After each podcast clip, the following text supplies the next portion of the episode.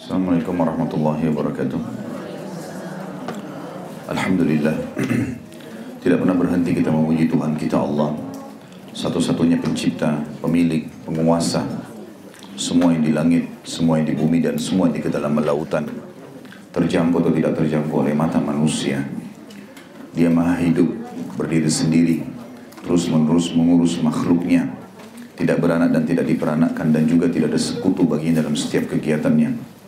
Dia dengan kemahasempurnaannya telah menggantungkan segala kebutuhan kita untuk roda kehidupan di muka bumi ini dari makanan, minuman, pakaian, dan puncaknya panduan hidup Islam dan iman dengan kalimat Alhamdulillah. Maka selalulah ucapkan kalimat ini. Jadi kita menjadikan selanjutnya salam hormat kita kepada manusia terbaik, manusia yang telah dipilih oleh Sang Pencipta Allah secara langsung untuk menutup risalah langit tidak ada lagi Nabi dan Rasul setelahnya menciplak hidup orang ini, menjadikannya sebagai suri teladan adalah kebahagiaan, kemenangan dari musuh-musuh, mendapatkan solusi terbaik dalam permasalahan dan problematika kehidupan di dunia ini. Karena itu semua tergambarkan dalam kehidupan manusia terbaik ini. Mengucapkan satu kali saja salam hormat kepada manusia terbaik ini dijadikan ibadah dan dibalas langsung oleh Allah sepuluh kali tambahan karunia atau rahmat maka sangat wajar kalau kita selalu membacakan salawat dan taslim kepada Nabi besar Muhammad sallallahu wa ala alihi wa sahbihi wasallam. Kita lanjutkan bahasan kita, kita Riyadus Solehin, semoga Allah berkahi. Kita masih melanjutkan bab sabar. Dan kita reviewkan kembali, sabar artinya menerima takdir Allah dan ikhtiar mencari jalan keluar. Jadi bukanlah sabar orang yang duduk vakum, putus asa. Itu semua keliru kalau ada orang menganggap itu sabar. Misal dia lagi diuji oleh Allah dengan penyakit, maka dia mengatakan saya sabar saja duduk di kamar tanpa ikhtiar. Ini bukan sabar namanya. Tapi ini putus asa dari ikhtiar. Jadi kalau kita sakit, sabar. Apa sabarnya? Menerima itu sebagai keputusan dari Allah karena Allah ingin menguji kita baik untuk meninggikan derajat ataupun mengampuni dosa-dosa. Kemudian kita ikhtiar. Ikhtiar semaksimal mungkin sambil bertawakal kepada Allah itu namanya sabar. Dan sudah banyak sekali hadis yang kita bahas dalam bab ini. Dan pada pagi ini insya Allah kita akan lanjutkan hadis nomor 41 seperti biasa akan saya bacakan dulu hadisnya Lalu kemudian kita ambil pelajaran dari hadis itu. Dari Anas radhiyallahu anhu beliau berkata, Rasulullah sallallahu wa ala alihi wasallam telah bersabda, "La yatamannayanna ahadukumul mauta lidurrin asabah." Fa in kana la budda fa'ilan falyaqul Allahumma ahini ma kanatil hayatu khairan li wa idza kanatil wafatu khairan li. Hadis ini muttafaqun alaih atau diriwayatkan oleh Imam Bukhari dan Imam Muslim. Artinya hadis sahih. Terjemahannya, janganlah sekali-kali salah seorang dari kalian mengharapkan kematian karena satu musibah yang menimpahnya. Tetapi jika dia memang harus melakukan itu, maka hendaklah dia mengucapkan, Ya Allah, hidupkanlah aku selama hidup itu lebih baik bagiku, dan wafatkanlah aku jika wafat itu lebih baik untukku. Ini terjemahan letter-let daripada hadis kita, dan kita coba masuk lebih dalam ke masalah hukum-hukum. Yang pertama diambil dari potongan, janganlah sekali-kali salah seorang dari kalian mengharapkan kematian. Ini ada pelajaran penting di sini. Artinya, mati pasti akan datang. Itu sebuah keyakinan seorang muslim. Dan mati adalah pintu untuk menuju kepada kehidupan abadi. Untuk menuju kepada kehidupan abadi yang kita sudah tahu dengan alam akhirat. Dan mati bagi seorang muslim adalah awal segalanya, bukan akhir segalanya. Karena kalau dia mati, sebenarnya dia sedang menuju kepada kehidupan yang abadi. Awal segalanya dan bukan akhir segalanya. Oleh karena itu sudah kita juga jelaskan pada hadis-hadis sebelumnya bagaimana kalau seseorang ditinggal oleh orang yang dia cintai, baik pasangan hidupnya, orang tuanya, anak-anaknya, sahabat-sahabat dekatnya, sebenarnya dia tidak perlu bersedih. Kecuali kalau memang orang-orang yang sedang meninggal ini dalam keadaan kafir, itu saja. Kalau dia muslim, walaupun dia masih banyak mengerjakan perbuatan-perbuatan salah, selama tidak membatalkan keislamannya, kita masih bisa memohon ampun untuknya, memperbanyak amal saleh untuknya. Terlebih lagi kalau dia meninggal dalam keadaan soleh atau soleha. Maka itu berita gembira. Dia udah pasti akan mendapatkan janji Allah. Dalam meyakini janji Allah ini masalah surga dan neraka, Bapak Ibu harus menanamkan dalam hati sebuah keyakinan itu benar. Sebagaimana Bapak Ibu yakin sekali kalau maka, kalau lapar dengan penuh keyakinan makanlah solusinya. Kalau dahaga, haus, maka minumlah solusinya. Gitu kan. Kalau capek, istirahatlah solusinya. Seperti itu keyakinan kita kepada akhirat, surga dan neraka. Tidak ada sesuatu yang tersembunyi. Karena itu pasti. Dan surga dan neraka sudah ada, bukan tidak ada. Sudah ada. Dari sebelum kita diciptakan. Makanya banyak sekali hadis yang berbunyi, di antaranya kata Nabi SAW, siapa yang memohon kepada Allah surga satu hari tujuh kali, dan juga memohon, maksudnya masuk ke dalamnya, dan juga memohon agar dijauhkan dari neraka satu hari tujuh kali, maka surga akan berkata, Ya Allah, dia telah memohon agar masuk ke dalamku, izinkanlah. Dan neraka akan berkata, Ya Allah, dia memohon berlindung dariku, maka lindungilah. Jadi ada interaksi. Pada saat kita mohon kepada Allah surga, surga langsung menjawab. Kalau kita mohon sama dari neraka, neraka pun menjawab. Juga ada hadis Nabi SAW yang sahih. Sesungguhnya neraka mengeluh kepada Allah tentang panasnya karena satu bagian membakar bagian yang lainnya. Maka Allah pun mengizinkan neraka untuk bernafas dua kali. Itulah yang kalian temukan di musim panas yang sangat dan di musim dingin yang sangat. Juga hadis Nabi SAW yang berbunyi, demam itu adalah eh, siapa pun yang tertimpa demam di antara kalian dinginkanlah dengan air karena dia bagian daripada tiupan panasnya api neraka. Jadi sebenarnya surga neraka itu bukan tidak ada, ada. Dan orang kalau mati sebuah pintu di mana dia harus laluin itu. Cuma di sana ada dua tempat tidak ada pilihan yang ketiga, surga atau neraka. Orang baik atau orang buruk. Ya, sebagaimana juga di dunia sebenarnya orang kalau berprinsip dalam hidupnya Bapak Ibu sekalian dia tahu hanya baik atau buruk, nggak ada di tengah-tengahnya. Jangan jadi orang di tengah-tengah, sebagaimana sering saya bilang akan simpang siur hidup kita nggak jelas. Sekalian jadi orang baik sekalian. Gak usah setengah-setengah. Apa pun bisikan syaitan mengatakan gak apa-apalah nanti aja dan seterusnya tepis semuanya. Gak bisa. Kita harus berubah menjadi orang baik sekalian. Beribadah jangan setengah-setengah. Karena kalau kita niatkan memang dalam hati setengah-setengah maka tidak maksimal, tidak khusyuk, jumlah rakaatnya kita kurang-kurangin, waktunya kita undur-undur karena kita tidak niat maksimal. Sekalian jadi orang baik, azan udah tidak ada kerjaan lain harus sholat. Gak ada lagi. Halal halal, nikmati. Haram haram, tinggalkan. Baru kita bisa rasakan kenikmatan iman. Bapak Ibu tentu bisa rasakan kalau yang sudah pernah umroh misal. Contoh sederhana kecil pernah saya kasih contoh ini. Kalau kita selama 9 hari misalnya di sana. Dan ada niat dalam hati memang komitmen mau selama di sana ibadah maksimal. Bedain rasa imannya pada saat itu dengan pada saat kita masih di Indonesia. Pasti ada. Beda. Kita komitmen, pokoknya azan harus ke masjid. Kalau suami istri berangkat saling mendukung sama-sama. Pulang konsultasi sama ustadz yang sedang membimbing, dengarin ceramahnya, buka TV melihat juga orang tawaf. Saya pada kesempatan selalu tawaf gitu kan. Baca Al-Quran. Maka itu namanya kita coba memaksimalkan diri. Pasti ada efek. Nah itu tinggal komitmen dijaga di Indonesia. Sering saya pandu jemaah saya kalau umroh begitu. Ada yang pernah bertanya, Ustadz kenapa kalau kami di sini beda ya? Rasanya surga itu dekat sekali dan dekat sama Allah. Saya bilang karena Bapak Ibu buat program untuk itu. Coba komitmenkan di Indonesia. Sayang Bapak Ibu sekalian ya. Kita pergi ke sana, ada orang saya tahu umrah, subhanallah. Di sana on time sholat. Begitu pulang, injak bandara Jakarta sudah nggak sholat itu.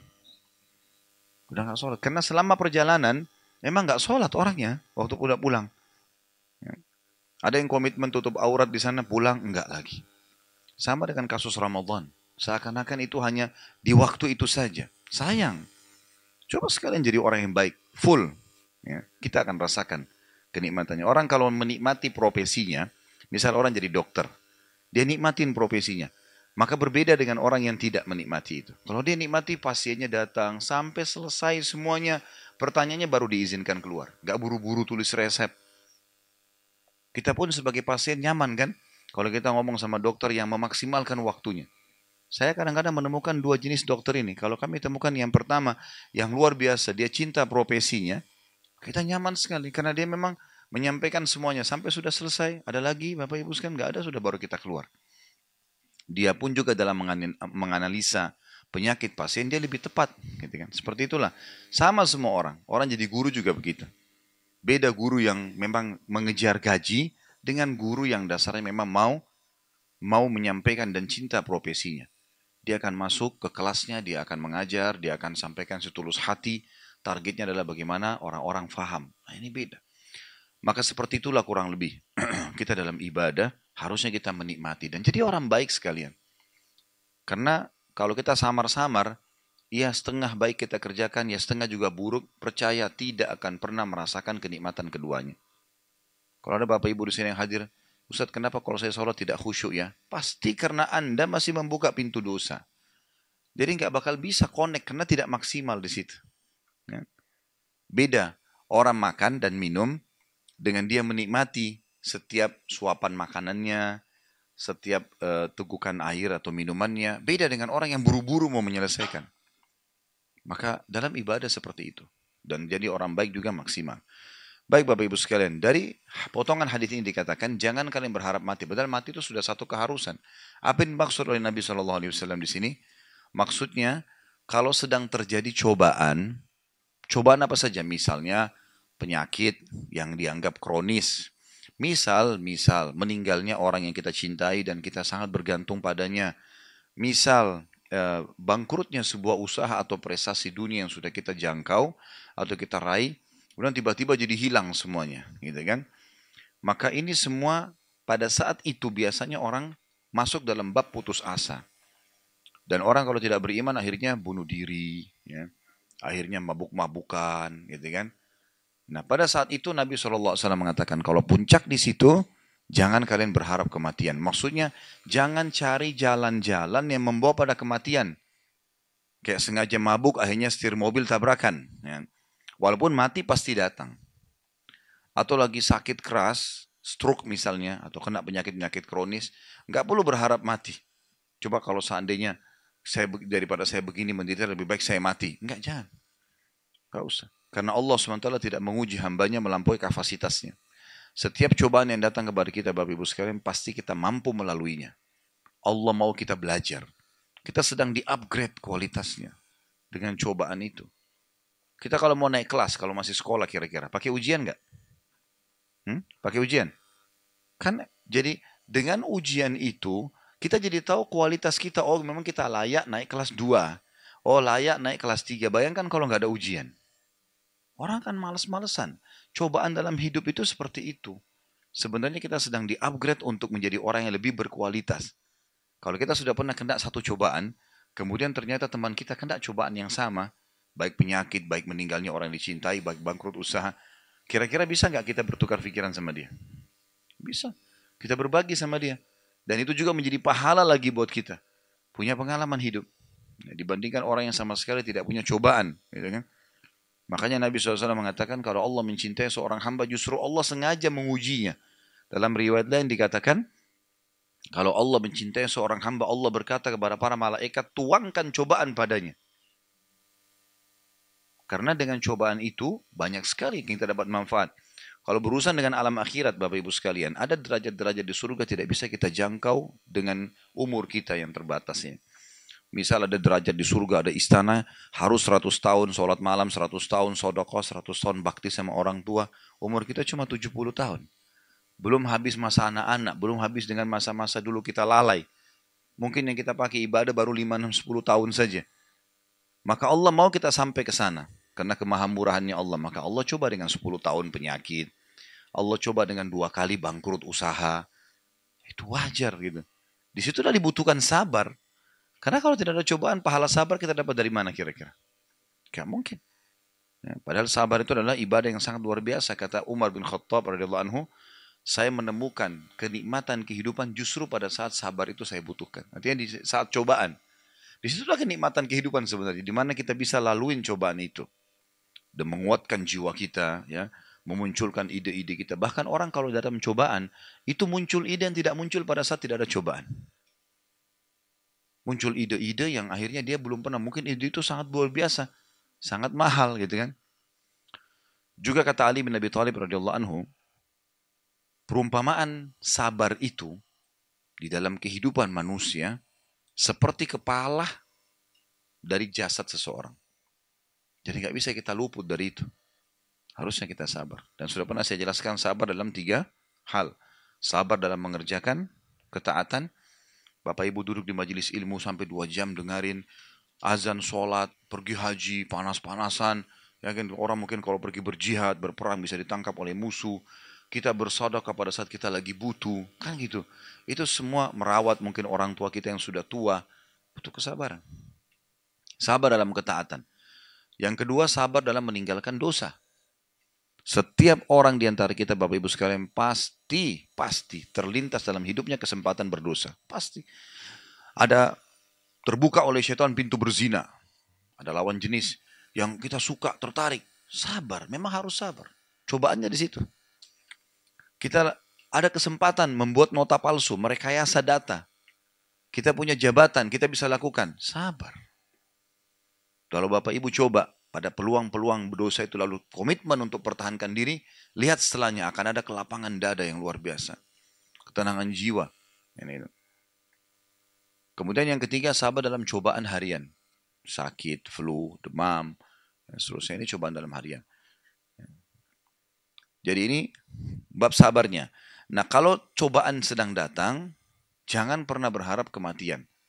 Ya, makanya kata Nabi SAW di sini, jangan sekali-kali salah seorang dari kalian mengharapkan kematian karena satu musibah yang menimpahnya. Ya. Misal ada anaknya mati, kenapa dia mati, kenapa bukan saya? Enggak, enggak usah bahasakan itu. Udah, kita tahu dalam Islam kalau ada masalah, kalau masalah sedang terjadi, yang kita harus pikirkan dan Bapak Ibu hafal dari saya, enam huruf. Solusi. Kalau masalah sedang terjadi, solusi. Bukan lagi tanya kenapa terjadi. Nggak ada hubungannya. Itu hanya untuk menceritakan sebab-sebabnya. Sekarang sudah terjadi. Semalam kita tidur, merasa gerah. AC-nya dikecilin. Jadi 16 misalnya. Pada saat kita kecilin ternyata bangun pagi flu. Bangun sudah pilek.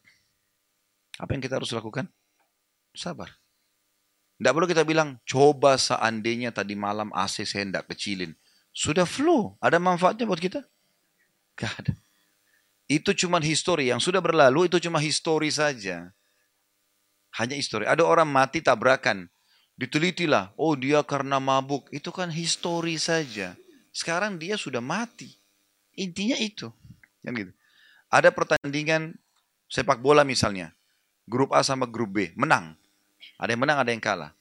Baik di rentet historinya, kenapa ini kalah, kenapa ini menang. Intinya sudah menang yang ini. gitu kan. Ini sudah kalah. Selesai sebenarnya. Simpulnya, uh, simpelnya seperti itu ya. Mudahnya seperti itu. Jadi begitu pula juga dalam kehidupan kita. Kita tidak usah mengatakan kenapa. Walaupun kita jadikan pelajaran, jangan terulang lagi. Gitu ya. Kata Nabi SAW, La yaldagu mu'min fi juhrin marratain. Tidak layak seorang mukmin disengat oleh binatang buas dari satu lubang dua kali. Maksudnya kita pernah lewat, kemarin lewat di sini, ada ular di situ. Dia sengat kita. Besok kalau kita lewat, jangan lewat lagi di lubang itu. Gitu kan. Atau makna lain, tidak layak orang mukmin jatuh di lubang dua kali. Terjadikan pelajaran. Tapi kalau sudah terjadi ya sudah. Ya. Solusinya apa? Sekarang gini. Insya Allah tidak terjadi. Tapi seseorang pulang ke rumahnya kebakaran. Apa yang harus dilakukan? Enam huruf. Solusinya.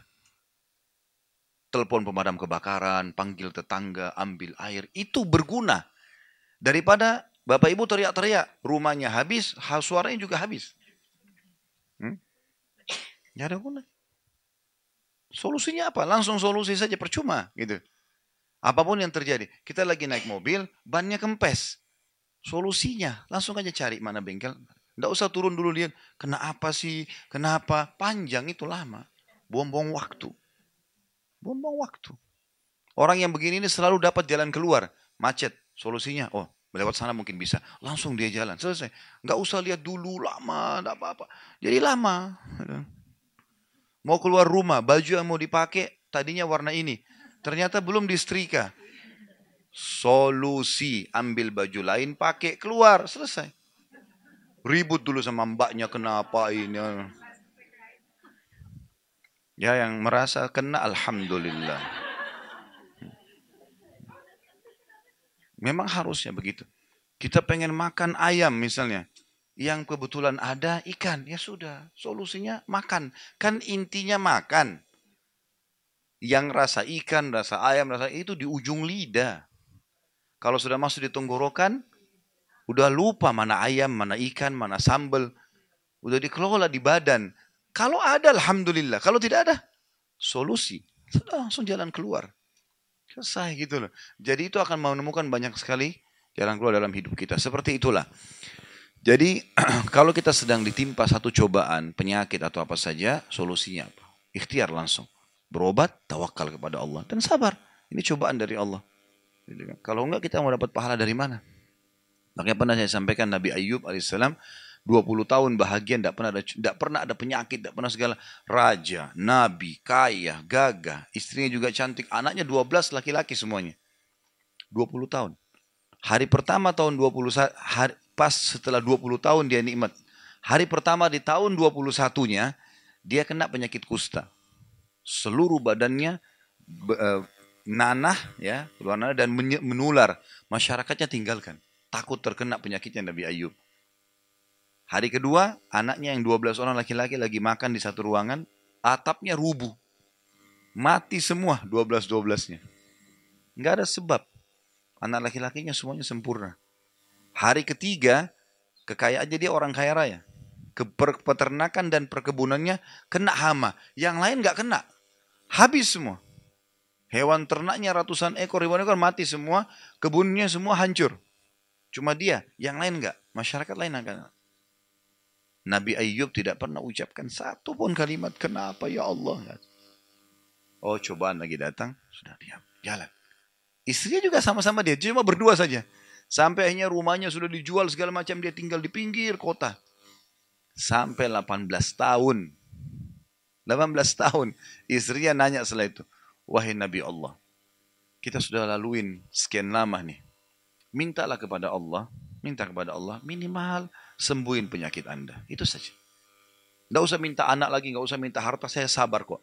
Anda minta sembuh saja. Supaya Anda bisa berdakwah lagi. Niatnya istrinya baik. Apa kata suaminya? Nabi Ayub bilang, berapa tahun dulu kita rasa nikmat? Kata istrinya, 20 tahun. Sekarang berapa lama kita dicoba? 18 tahun. Masih malu saya minta sama Allah. Tunggu dulu. 20 tahun baru minta. Setelah 20 tahun Nabi Ayub bilang dalam surah Al-Quran diceritakan satu ayat Al-Quran. A'udhu billahi. Rabbi anni massani yadur wa anta arhamur rahimin. Wahai Tuhanku, aku telah ditimpa penyakit. Ya, dan kau zat yang maha penyayang. Enggak bilang, ya Allah ini sudah 20 tahun nih. Harusnya enggak. Enggak protes Allah. Dengan santunnya, ya Allah, aku ditimpa penyakit dan kau zat yang paling penyayang. Gara-gara sabar dan kita kalau sabar teman-teman sekalian, sampai titik klimaksnya, jaga mulut kita jangan berkeluh kesah kecuali kepada sang pencipta Allah. Diam saja, keluh kesah kepada Allah. Sudah nggak tahan, sujud kepada Allah. Udu, sujud, berdoa. Karena kalau kita mengeluh kesah sama manusia, dia hanya bisa memberikan kita solusi, tidak jauh dari solusi kita kok sebenarnya. Sama-sama manusia. Bisa berhasil, bisa enggak. Tapi berkeluh kesah pada pencipta manusia, pencipta penyakit, pencipta masalah itu. Pasti akan ada solusinya. Kan. Jalan keluarnya bagus. Ini yang kadang-kadang banyak luput dari kita gitu. Ya, luput, tidak tahu masalah. Bahkan kadang-kadang kita menghadapi masalah yang mungkin kita anggap kayak tidak mungkin tanda kutip Allah bantu dia. Nanti kalau sudah mentok betul-betul dokter pun angkat tangan kalau penyakit baru dia kembali kepada Allah. Baru sholat tahajud, jadi Allah ini agama nomor 30 bagi dia. Ya. Yang paling pertama dokter ini dulu, teman ini dulu, sahabat ini dulu, penelitian ini dulu. Itu sebab-sebab duniawi. Ada satu poin yang membuat semua sebab itu bisa jadi bagus. Berdoa kepada Allah. Kita kan kalau mau keluar rumah disuruh doa dulu. Baru keluar. Mau makan, berdoa dulu.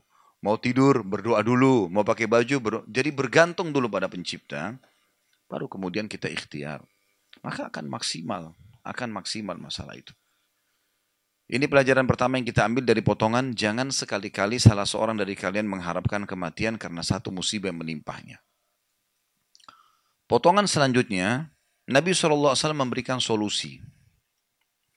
Solusinya juga adalah, tetapi jika dia memang harus melakukan hal itu, artinya beban rasanya jiwanya. Gitu.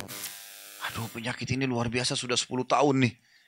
Ya, harus cuci darah, harus ini, harus itu berat gitu kan harus akhirnya berusaha ke sana sini pinjam hanya untuk menutupi kehidupan. Kalaupun dia harus melakukan artinya dia berharap supaya penyelesaian masalah selesai, Nabi ajarkan solusinya. Doa. Apa yang dia bilang?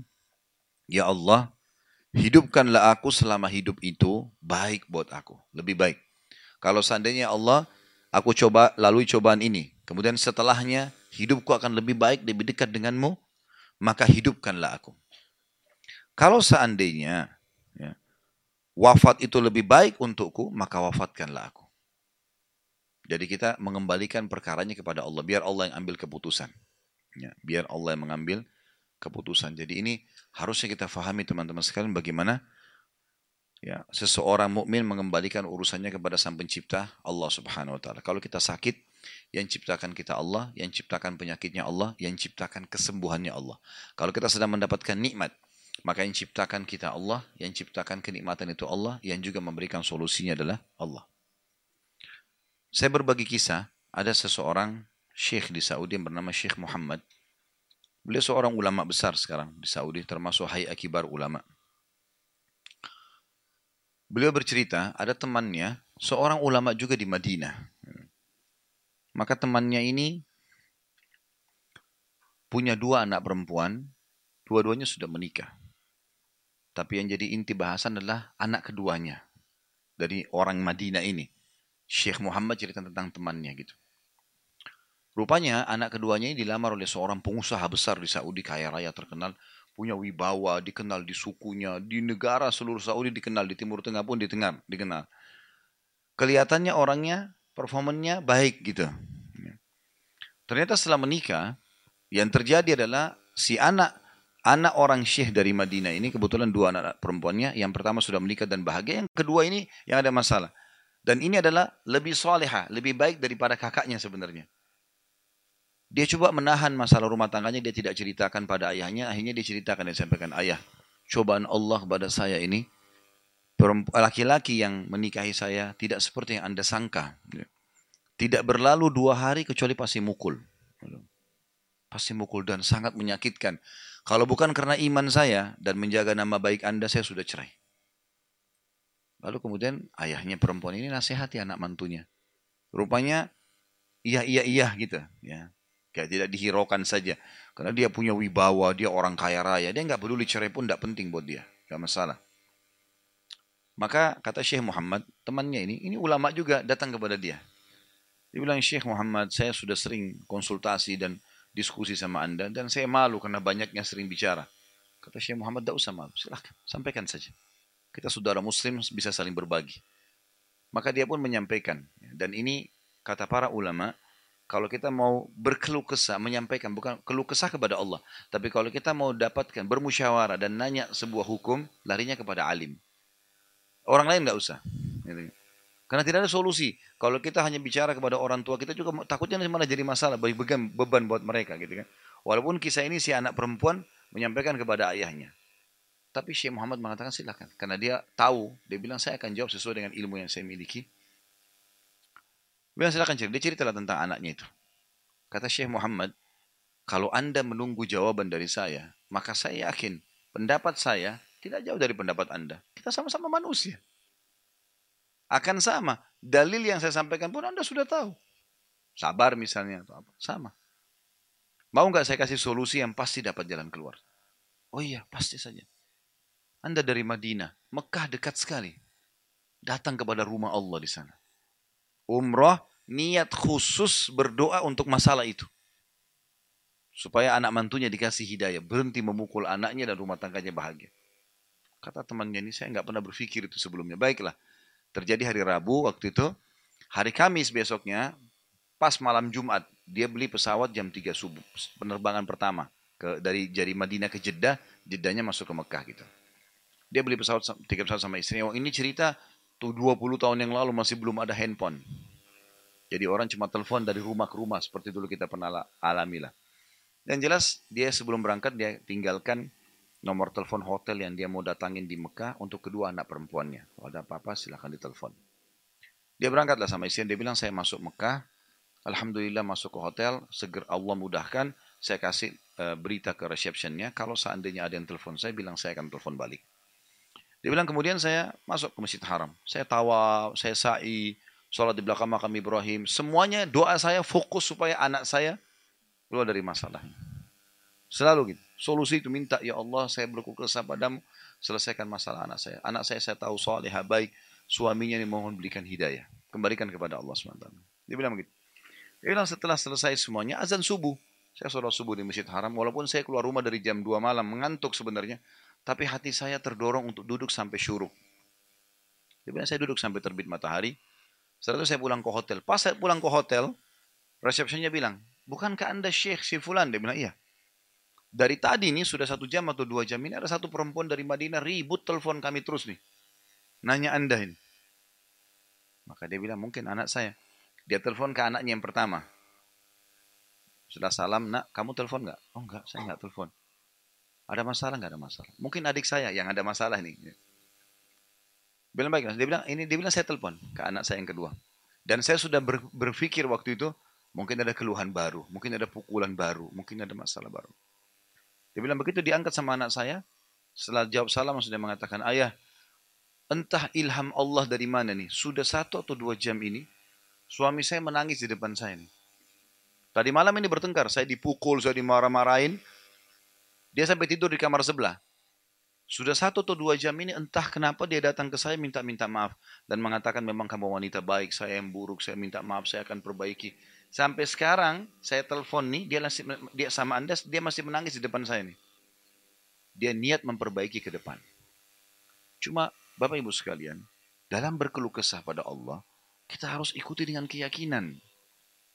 Kadang-kadang kita ikuti dengan keraguan. Ragu ini mengurangi kualitas doa kita. Gitu loh.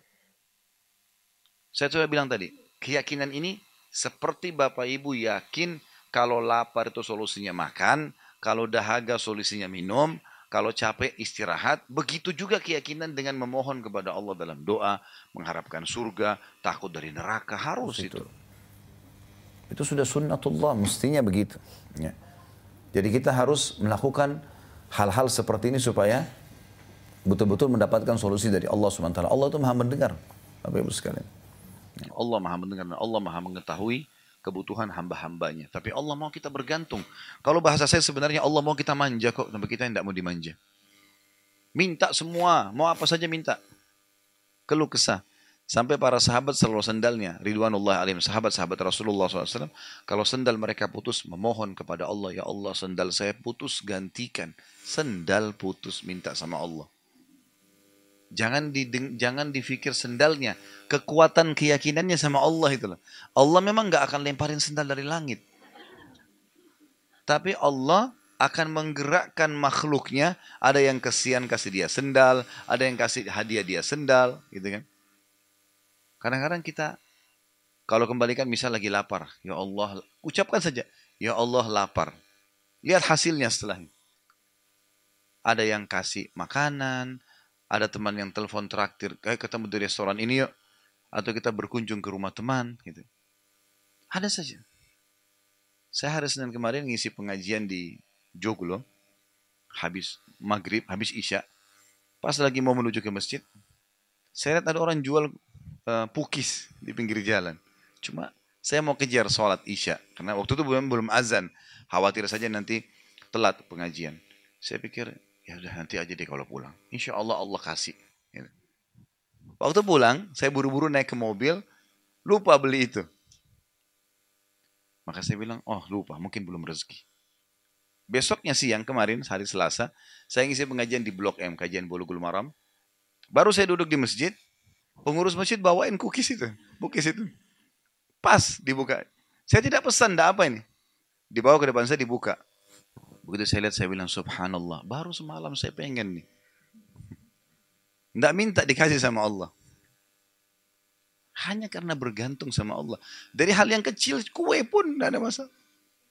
Apa ruginya? Rugi apa Bapak Ibu sekalian pada saat kita mau ke mall beli baju atau mau ke pasar, ya Allah mudahin parkiran buat saya. Minimal dapat pahala doanya. Nah, apa saja. Mau makan di satu restoran, ya Allah mudahin supaya saya dapat tempat duduk yang nyaman, saya bisa makan di situ, gitu kan. Siapa tahu pas mau tutup Allah masih tunda, tidak ditutup aja. Kita masih bisa dapat. Nah kita kurang sekali ketergantungan sama Allah yang seperti ini. Kayaknya gak perlu gitu loh sama Allah. Kesannya kita jalan aja sendiri.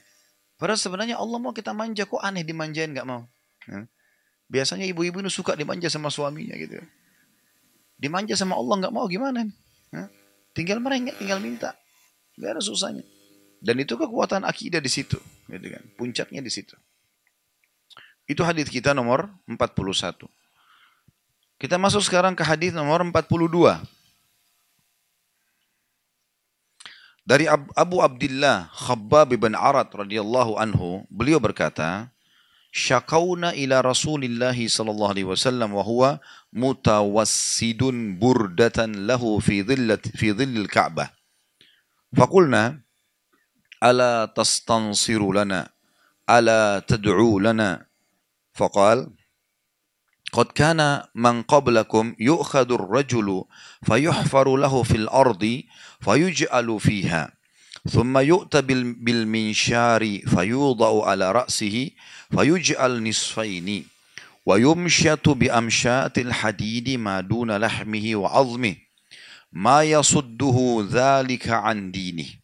والله لا يتم لا يتمن الله هذا الأمر. حتى يسير الراكب من صنعاء إلى حضرموت لا يخاف إلا الله والذئب على غنمه ولكنكم تستعجلون Hadis ini riwayat Bukhari. Saya baca dulu tambahan riwayat dan dalam satu riwayat dikatakan masih nomor yang sama 42 wa huwa mutawassidun burdatan wa qad lakina minal musyrikina shiddah saya baca terjemahan potongan hadis pertama, baru potongan hadis kedua. Kata sahabat Nabi yang mulia Khabbab bin Arad radhiyallahu anhu, kami pernah mengadu kepada Rasulullah SAW pada waktu beliau sedang tidur-tiduran berbantalkan kain burda milik beliau di naungan Ka'bah. Kami berkata, tidakkah anda memohon pertolongan untuk kami? Tidakkah anda berdoa untuk kami? Maka beliau menjawab, sungguh orang sebelum kalian ada yang ditangkap, lalu dibuatkan untuknya lubang galian di tanah, kemudian dia dipendam di dalamnya. Kemudian dibawakan gergaji, lalu gergaji itu diletakkan di atas kepalanya dan dibelah menjadi dua bagian dan disisir dengan sisir besi sehingga dagingnya terpisah dari tulangnya. Namun hal tersebut tidak menghalang-halanginya dari agamanya. Demi Allah, Allah pasti akan menyempurnakan agama ini hingga seorang pengendara berjalan dari Sana'a ke Hadramaut tanpa merasa takut kecuali kepada Allah dan tidak takut kecuali dari serigala terhadap kambing-kambingnya akan tetapi kalian kaum yang tergesa-gesa. Riwayat yang lain tadi pada waktu beliau sedang tidur-tiduran berbantalkan kain burda kata sahabat Nabi Khabbab radhiyallahu kami telah menghadapi tindak kekerasan dari orang-orang musyrik. Saya ceritakan dulu hadis ini. Tentu ada sabab wurud namanya ya. Tentu kalau ayat Al-Quran dan namanya sabab nuzul. Ya, sebab turunnya ayat. Tidak semua ayat Al-Quran punya sabab nuzul. Tidak semua. Tapi kalau ada sabab nuzul kita harus baca karena tahu ternyata ayat ini turun karena kasus ini. Maka lebih mudah untuk difahami. Dalam penyampaian baginda Nabi SAW juga sama. Ya, juga sama. Jadi ada penyampaian Nabi SAW dalam hadis ya, yang tanpa sebab beliau sampaikan karena wahyu dari langit. Ada karena kejadian yang terjadi lalu beliau sampaikan. Turun wahyu menyampaikan masalah itu. Nah kalau ayat Al-Quran namanya sabab nuzul, sebab turun. Kalau hadis sabab urut, sebab disebutkannya hadis. Termasuk hadis ini punya sabab urut. Khabbab bin Arat radhiyallahu anhu adalah seorang sahabat Nabi yang dulunya budak di Mekah. Seorang budak orang Quraisy di Mekah. Dan waktu itu orang-orang Quraisy mengeluarkan instruksi penyiksaan massal terhadap umat Islam. Pokoknya siapa pun muslim, terutama dari kalangan budak dan orang-orang miskin. Kalau orang yang punya jabatan, mereka masih khawatir karena bisa saja nanti memanggil kaumnya untuk berperang, gitu kan? Tapi kalangan budak, kalangan orang miskin semuanya. Setiap lewat di jalan, semua orang musyrik Mekah boleh memukul, boleh merampas hartanya, membunuh pun tidak dihukum. Tidak ada keamanan di Mekah. Berat sekali pada saat itu. Gitu kan? Luar biasa cobaannya. Bayangkan kalau kita jalan di Jakarta tidak ada keamanan. Setiap orang yang temui kita bisa merampas harta kita, bisa memukul kita, bisa bisa membunuh dan tidak dihukum dia. Berat sekali. Makanya di fase Mekah 13 tahun fase Mekah dan dakwah Nabi SAW 23 tahun. 13 tahun di Mekah dan 10 tahun di Madinah. 13 tahun di Mekah itu yang masuk Islam baru 153 orang. Dari sekian puluh ribu penduduk Mekah, 100 saja. Jadi 153 ini, 83 orang pun melarikan diri hijrah ke Ethiopia, sisa 70 bersama Nabi SAW di Mekah. Saking beratnya karena diisolasi betul-betul oleh orang-orang Quraisy. Semua boleh dipukul, digebukin. Jangankan bicara tentang Islam, lewat saja sudah boleh digebukin. Dan kalau ada orang yang datang dari luar Mekah bertanya, orang yang itu ditanya itu yang bertanya itu dipukul, digebukin. Gitu. Jadi nggak bisa, luar biasa susahnya. Banyak sahabat-sahabat waktu orang-orang Quraisy mengeluarkan instruksi, siapa pun yang punya budak, siksa budaknya. Gitu kan. Habab bin Arad juga termasuk orang yang disiksa. Kalau Bapak Ibu ikutin, di YouTube ada serial sahabat yang sudah kami sampaikan setiap bulan Alhamdulillah. Dengan taufik dari Allah Tablik Akbar sudah 26 serial sahabat.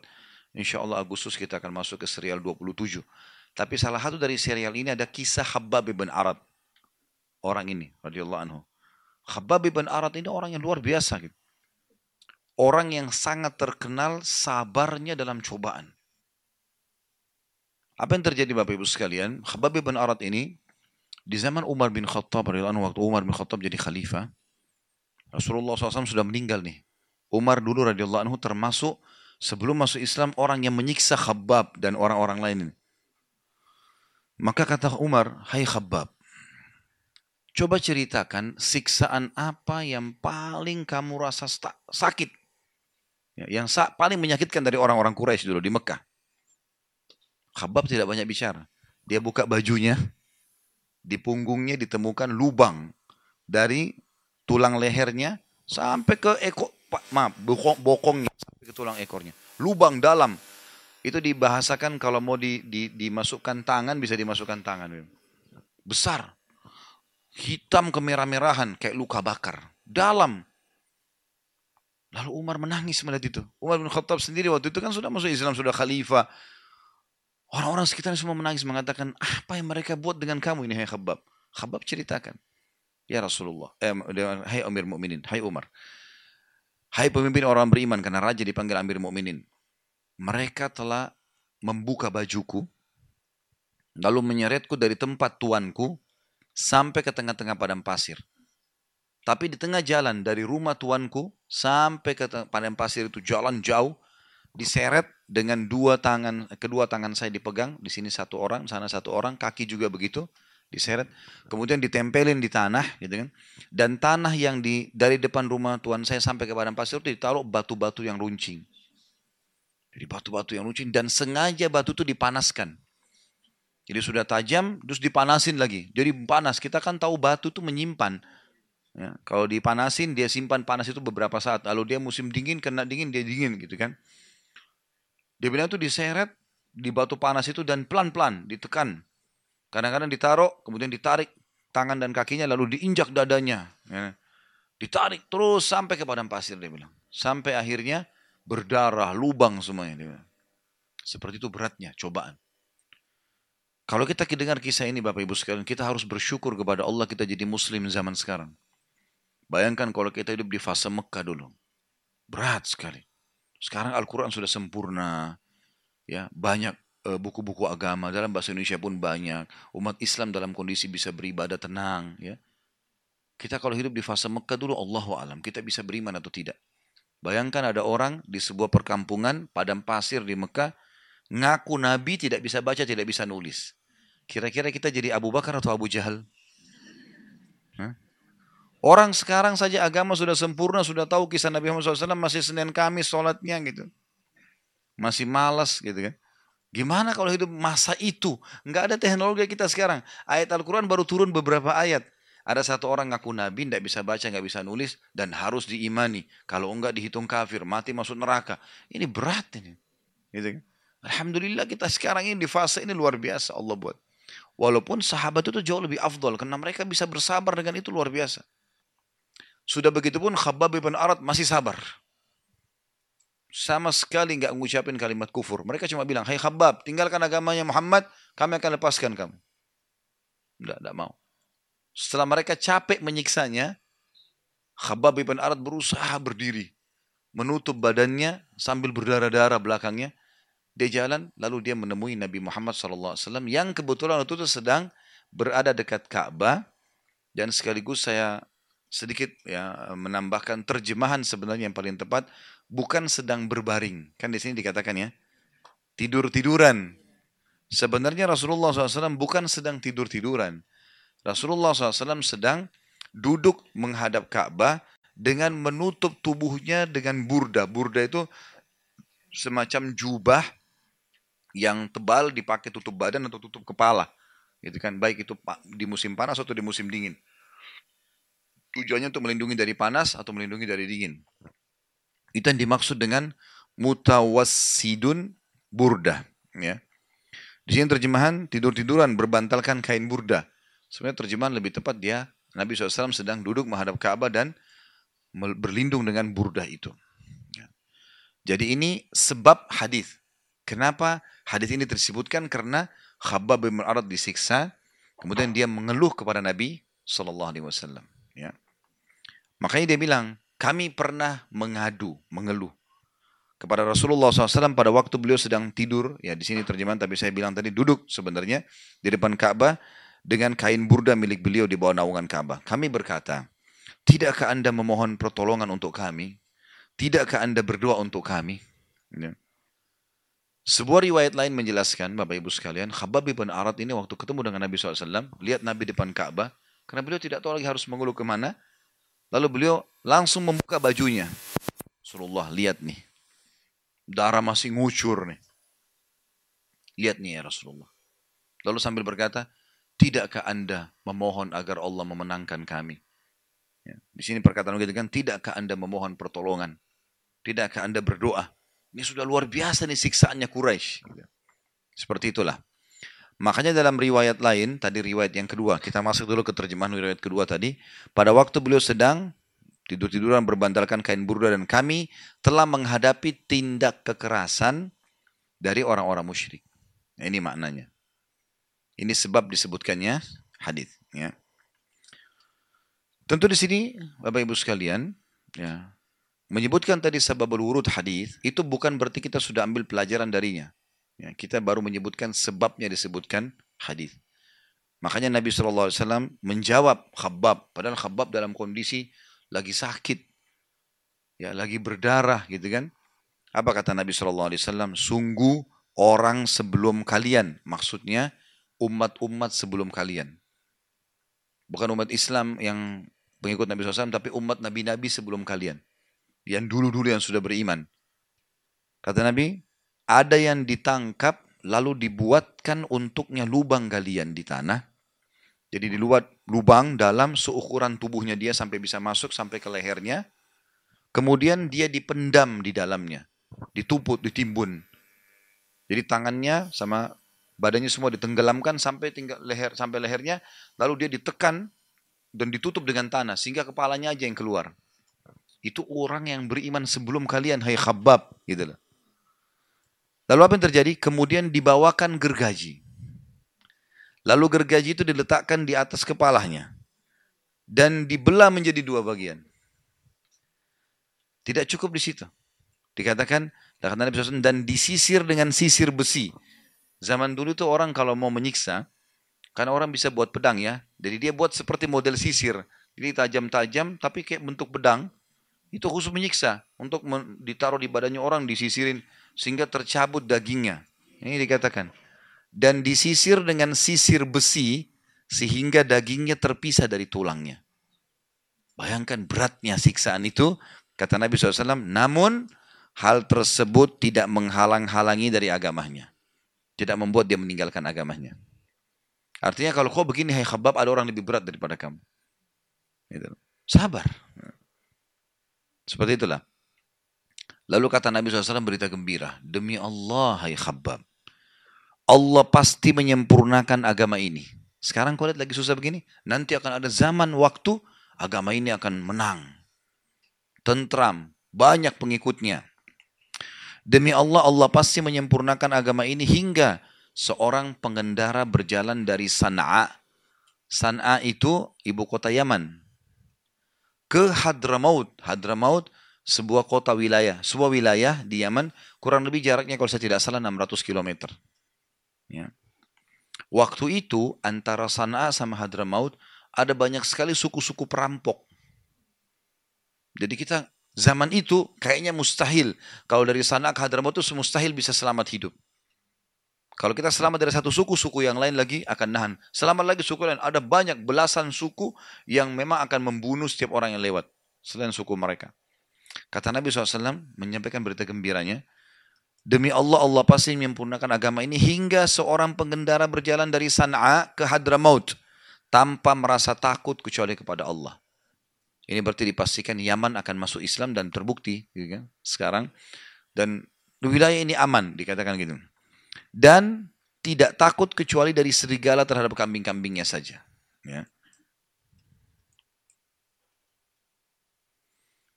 Jadi artinya yang dia khawatir hanya kalau dia lagi ikat dombanya karena zaman dulu orang kalau melakukan perjalanan mereka ikat domba, bawa domba tengah jalan nanti dombanya disembeli lalu mereka jadikan sebagai bekal makanan. Tidak kayak sekarang banyak restoran, semua sudah mudah gitu kan. Zaman dulu nggak seperti itu.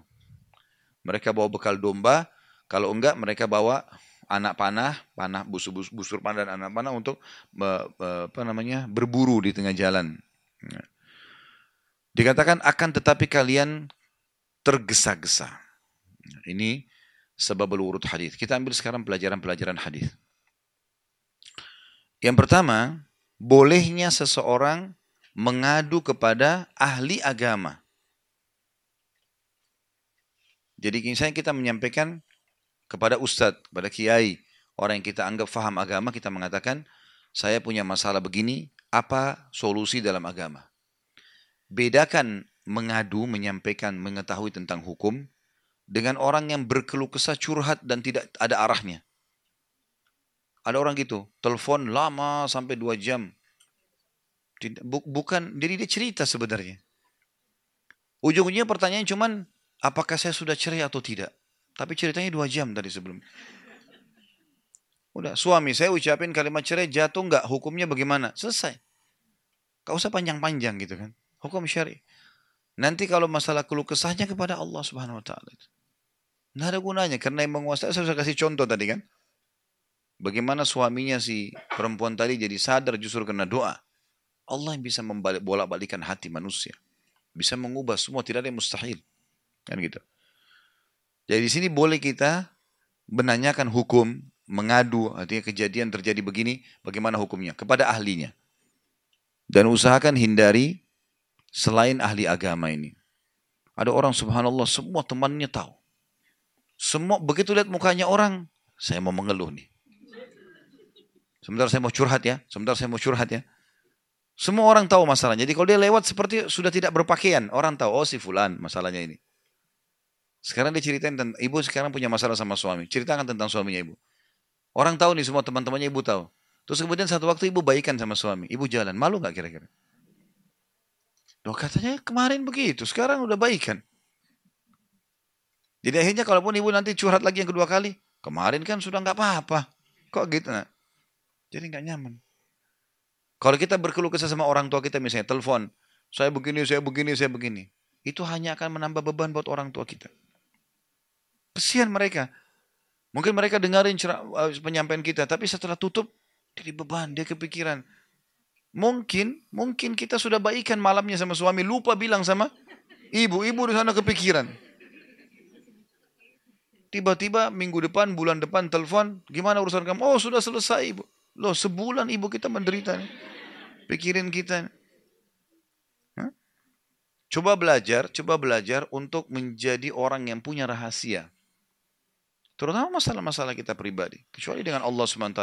Dan curhat pun pada ustadz, pada kia ini. Pada hukum syari. Bertanya. Ada kejadian begini, apa hukumnya? Gitu kan. Jadi kita tanya hukum. Itu yang penting. Karena ada gunanya juga. Ustadz itu juga seorang manusia. Dia pun bisa digoda oleh syaitan. Ya. Berapa banyak orang begitu, akhirnya curhat-curhat, akhirnya terjadi perbuatan yang tidak benar. Bukan itu. Gitu kan? Saya kalau ada yang bertanya, pertanyaannya sudah ke mana-mana, saya nggak jawab. Saya cuma bilang, poin pertanyaannya apa bu? Saya tanya ini, baik, hukumnya ini. Selesai. Pernah ada orang satu, bapak-bapak telepon saya. Ustaz saya lagi punya masalah gini-gini. Baik. Apa yang mau ditanyakan? Terus di speaker rupanya sama dia, dia lagi ribut sama istrinya nih. Istrinya lagi ada di sebelahnya.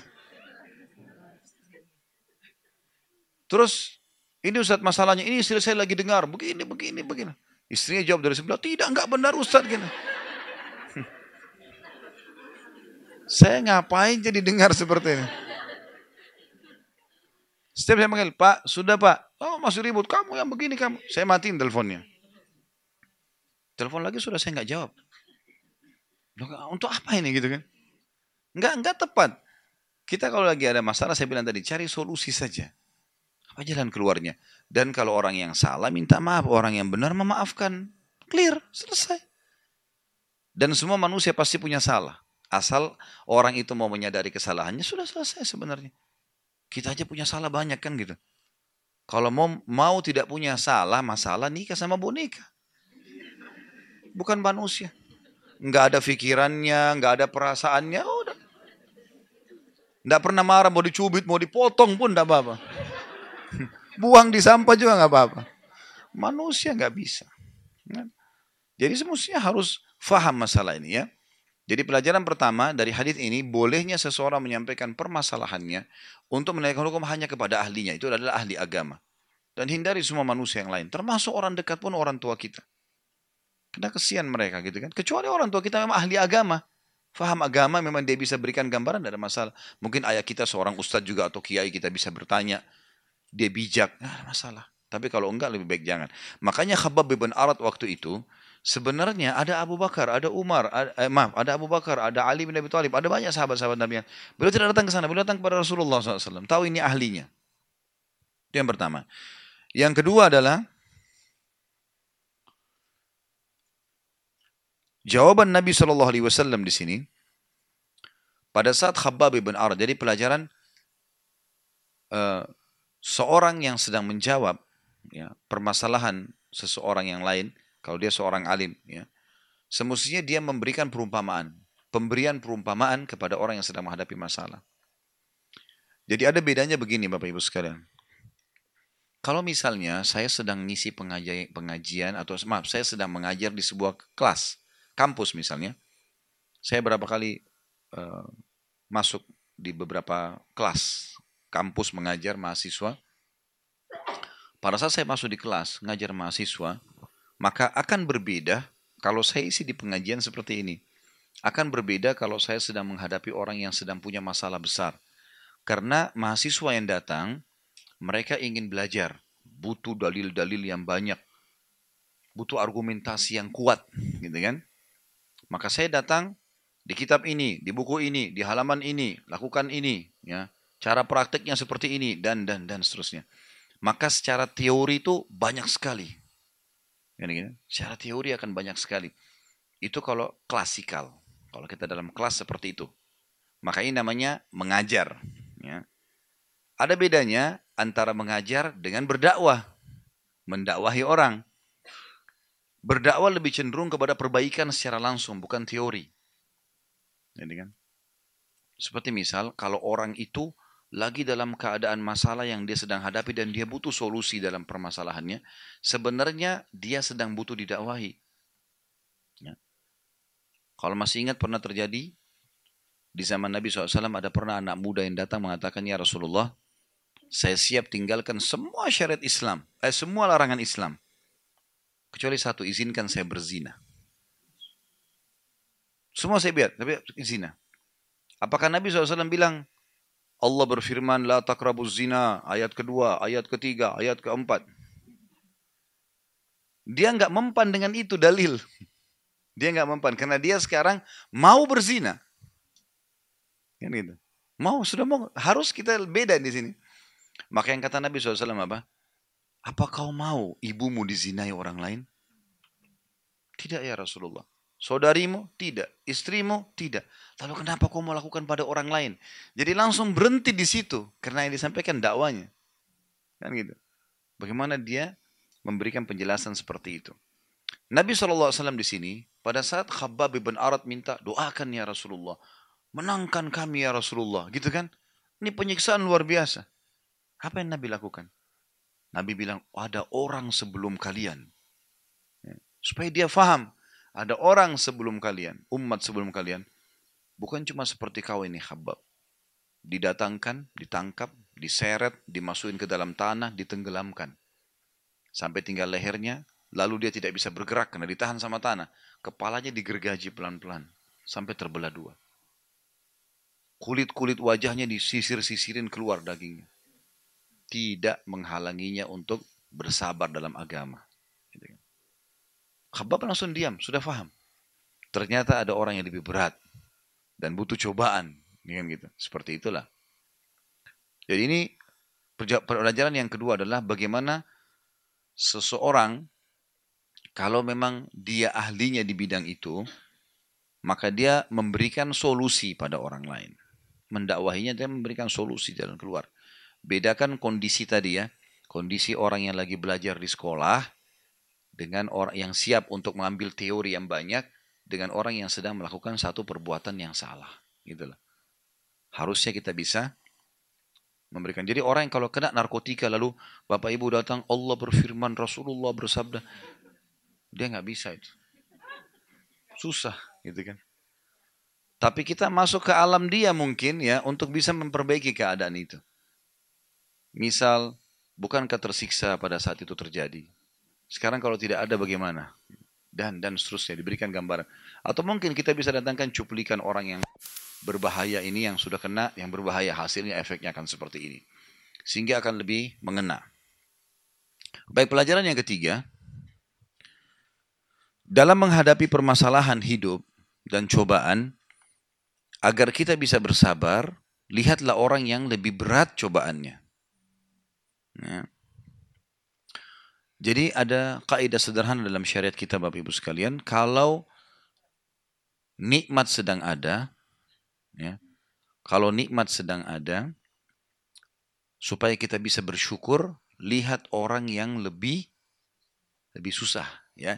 Jadi kalau nikmat sedang ada, lihat orang yang di bawah. Misal kita pakai motor, jangan lihat orang yang pakai mobil, nggak bakal bersyukur. Lihat orang yang pakai sepeda. Gitu. Kita punya mobil mungkin tahunnya 2015. Jangan lihat orang yang 2017. Lihat orang yang masih pakai tahun 2000.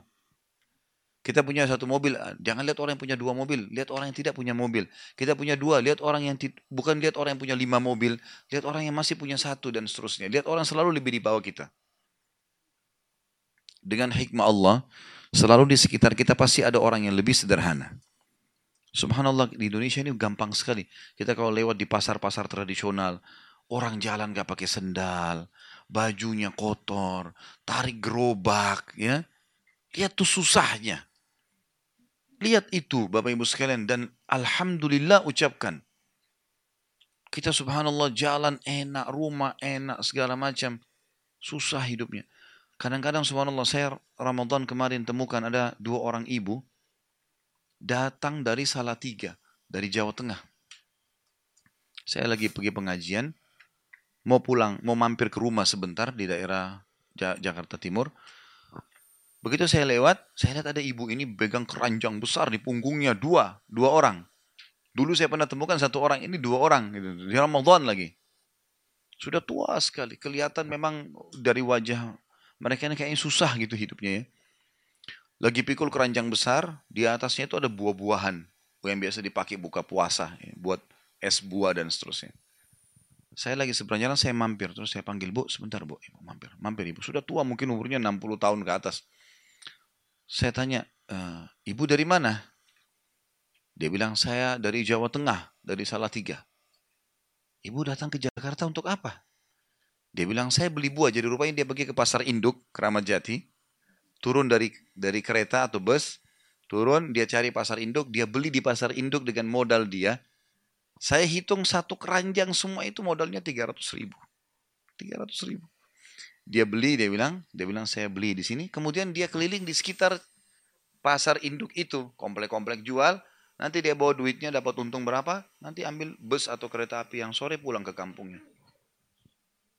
Dan ini keranjang dipikul pakai kain yang biasa mungkin dipakai gendong anak di kampung-kampung itu dipakai. Berat ini. Mungkin kalau saya pikul saya nggak bisa angkat itu berat. Tapi karena mereka sudah jadi kebiasaan setiap hari, jadi sudah enggak ini.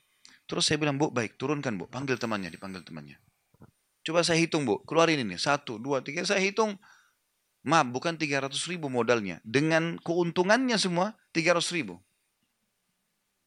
Jadi saya tanya, Bu ini berapa? Manggis satu, satu ikat gitu.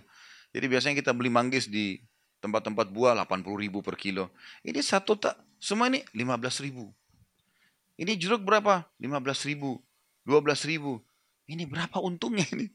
Mungkin 2 ribu, 3 ribu rupiah gitu. Saya hitung semua itu, satu keranjang mereka satu orang 300 ribu. Anggap, kita anggap kalau dia dapat keuntungan 30 persen 100 ribu misalnya. Mungkin modalnya cuma 200 ribu. 100 ribu Bapak Ibu sekalian, datang jauh-jauh berapa jam naik bus dari sana, dari kereta api. Datang ke Jakarta, dagang, jual, pulang untuk hidup satu hari itu. Kita subhanallah kadang-kadang Bukan cuma 100 ribu, mungkin 1 juta kita anggap biasa. Masuk sebentar makan di restoran sudah 700 ribu, 800 ribu. Maka kita tidak tidak tidak bisa mensyukuri nikmat yang ada kalau kita nggak lihat ini gitu. Lihat orang itu. Itu kalau nikmat ya, selalu lihat orang yang di bawah. Mungkin yang Allah bukain Bapak Ibu rezeki, mungkin punya pembantu di rumah, kita bisa lihat bagaimana kehidupan mereka. Tentu kalau ekonominya sama dengan kita nggak bakal jadi pembantu dia. Supaya kita punya perasaan juga, jangan cuma tahu merintah-merintah marah-marah. Dia juga manusia. Kata Nabi SAW, ya, termasuk akhlak yang mulia ya, kata Nabi SAW, berikanlah makan dan pakaian kepada pembantu sebagaimana kalian makan dan berpakaian. Suruh hormati.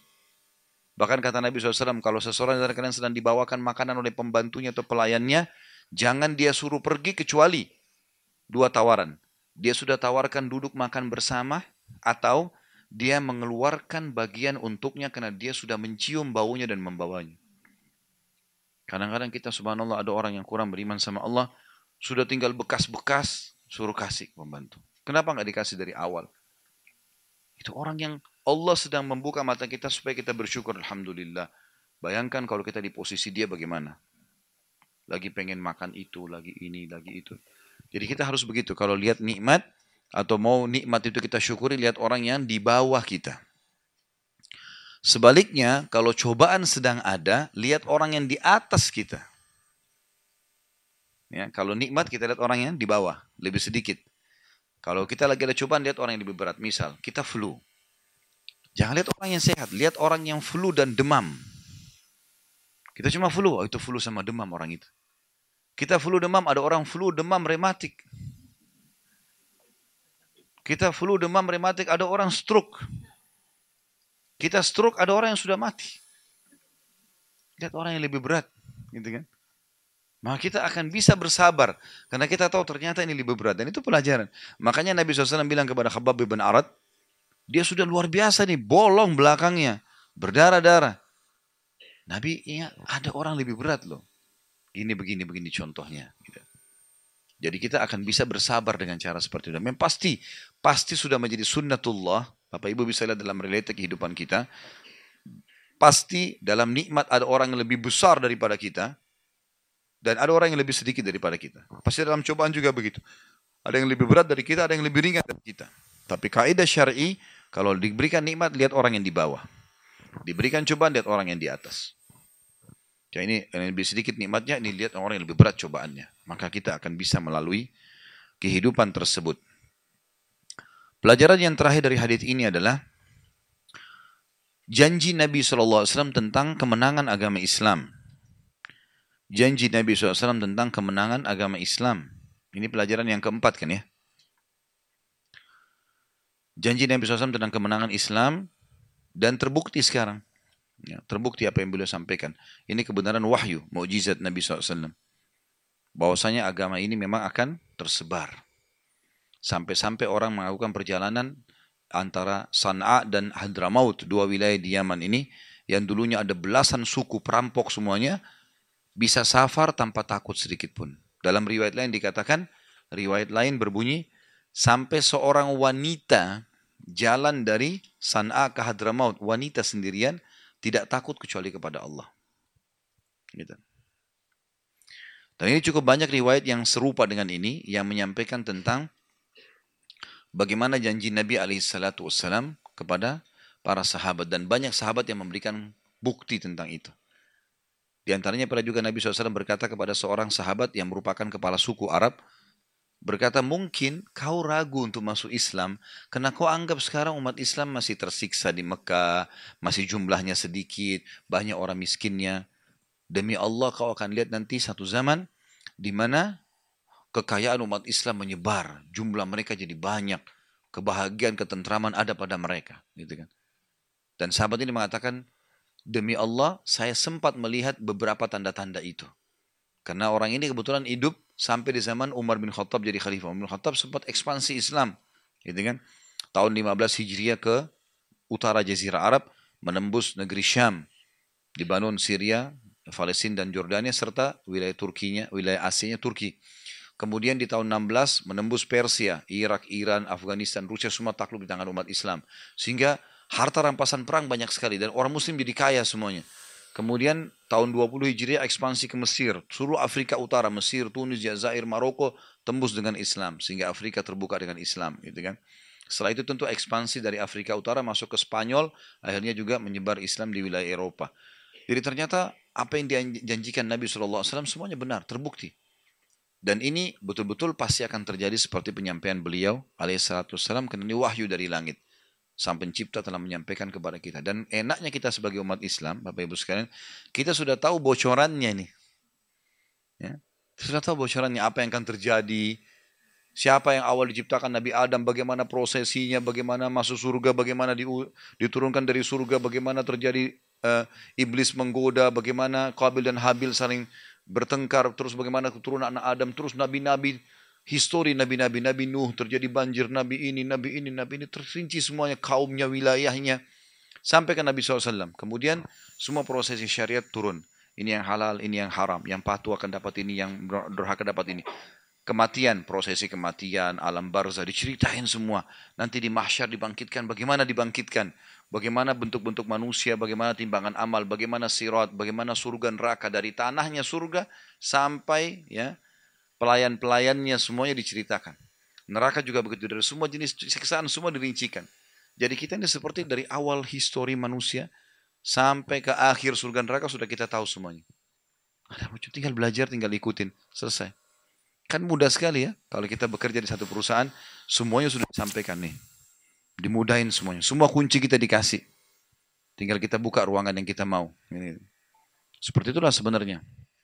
Cuma memang umat Islam harus kembali kepada satu poin, masalah keyakinan. Saya sarankan Bapak Ibu ikutin ceramah kami di Youtube, judulnya Saudaraku ini adalah Pondasi Agamamu. Itu dua jam saya ceramah lebih tentang masalah bagaimana keyakinan harus ada dalam hati seorang muslim. Dan contoh-contohnya cukup banyak pada saat itu saya jelaskan. Maka ini tentunya yang kita bisa ambil pelajaran dari bahasan kita. Allahu alam. Subhanakallahumma bihamdika asyhadu an la ilaha illa anta astaghfiruka wa atubu ilaik. Wassalamualaikum warahmatullahi wabarakatuh.